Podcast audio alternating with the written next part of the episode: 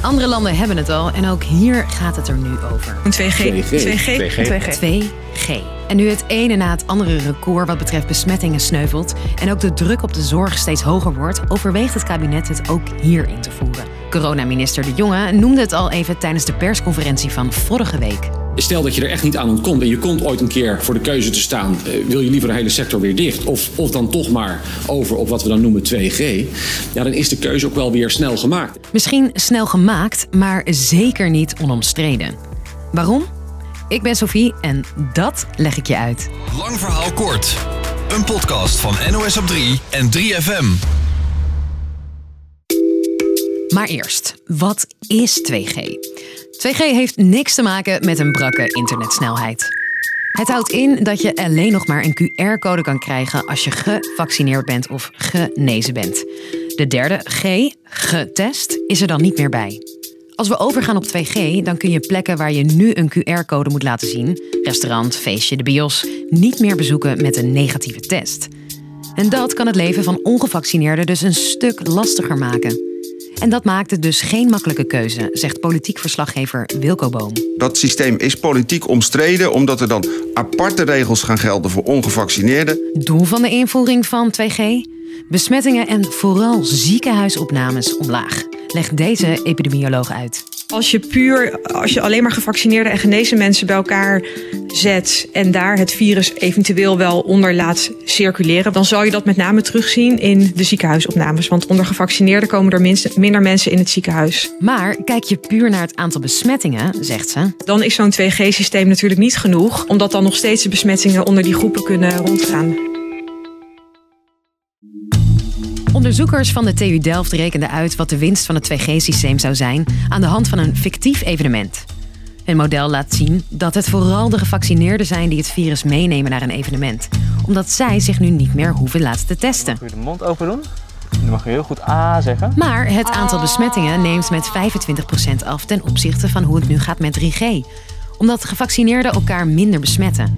En het aantal ziekenhuisopnames als gevolg van het evenement zou volgens het onderzoek met 94% afnemen bij de huidige vaccinatiegraad. Epidemioloog Frits Roosendaal legt uit. Als je de 2G-regel invoert, komen er geen ongevaccineerde mensen meer binnen ergens waar veel mensen zijn. En waar zij dus een redelijke kans hebben het virus op te lopen, omdat ook gevaccineerden het kunnen doorgeven. Maar mensen die besmet raken, zeker als ze ongevaccineerd zijn, hebben een reële kans om opgenomen te worden in het ziekenhuis en misschien zelfs wel op de IC. 2G zou dus de druk op de zorg verkleinen, wat voorkomt dat we straks in een langere en strengere lockdown terecht kunnen komen. De druk op de zorg neemt af, minder besmettingen. Dat klinkt natuurlijk goed, maar zoals eerder gezegd, het is niet zomaar een maatregel. En dus zijn de meningen verdeeld. Ik vind het ook een hele lastige discussie. Ik ben zelf wel gevaccineerd, maar ik heb zoiets de mensen die dat niet willen. Dat is een eigen vrije keus natuurlijk, maar je sluit ze wel uit in de samenleving. Ik vind het goed. Ja, je dwingt ergens ook wel mensen om te vaccineren. Maar als je naar de cijfers kijkt, denk ik dat het misschien ook ergens wel nodig Ik is. vind dat mensen die niet eh, willen vaccineren, dat ze toch de mogelijkheid eh, moeten krijgen om naar feest te kunnen gaan of naar eh, gym. Ja, ze behoren tot de samenleving. Gevaccineerden lijden heel erg naar mijn idee nu onder de niet-gevaccineerden. Ook vanuit andere hoeken klinkt kritiek. Van bijvoorbeeld deze medisch ethicus van de Gezondheidsraad. Nou, mijn advies is dat wij nu vooral zorgen dat de, de, de scheiding tussen gevaccineerden en ongevaccineerden niet ontzettend op de, de spits wordt gedreven. En ik vind deze maatregel echt een maatregel waardoor die bepaalde groep buiten de maatschappij wordt geplaatst. Dat vind ik veel ernstiger dan alle andere argumenten bij elkaar. En ook deze onderzoeker gezondheidsrecht is tegen de invoering van het 2G-systeem. COVID gaat niet weg, blijft nog een hele tijd bij ons. Dus laten we misschien ook hè, op de langere termijn gaan kijken van ja, welke, welke mate van inperking van onze vrijheden vinden we eigenlijk gerechtvaardigd. De politiek is er dus ook nog niet uit, zegt politiek verslaggever Ron Vrezen. Je ziet die discussie wel uh, schuiven richting uh, toch uh, voor zo'n systeem. Omdat heel veel mensen steeds meer in gaan zien, in de politiek ook, dat het misschien ook een manier is om na zo'n lockdown ook de samenleving voor die hele grote groep gevaccineerden weer op een veilige manier open te krijgen. 2G is er dus nog niet en er zouden sowieso nog wetten voor moeten worden aangepast. En daar zou een paar weken voor nodig zijn. Dus, lang verhaal kort. 2G zou zomaar de volgende stap in deze coronapandemie kunnen zijn. Een maatregel die ervoor zorgt dat ongevaccineerde mensen niet meer op plekken mogen komen waar je nu een QR-code moet laten zien. Het zou voor minder ziekenhuisopnames en minder besmettingen zorgen. Maar critici zijn bang dat het voor een grotere tweedeling tussen ongevaccineerden en gevaccineerden zorgt.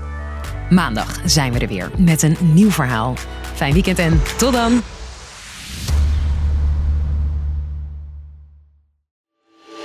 FM Podcast. Drie mannen met zwarte pak legden hem op de grond neer. En ik hoorde, hij is het niet, hij is het niet. Ik wist gelijk, jij bent een shark. Sorry voor mijn broertje. Twee levensverhalen over broederschap en de consequenties van de keuzes die je maakt. Mijn zus, ik hoorde haar nog roepen van, uh, wat, heb je gedaan? Wat maakt de ene broer tot een toonbeeld en de ander tot een schrikbeeld van een generatie? In de podcast Sorry voor mijn broertje zoeken we antwoord op die vraag aan de hand van de levensverhalen van Nabil en Naïb. De podcast Sorry voor mijn broertje.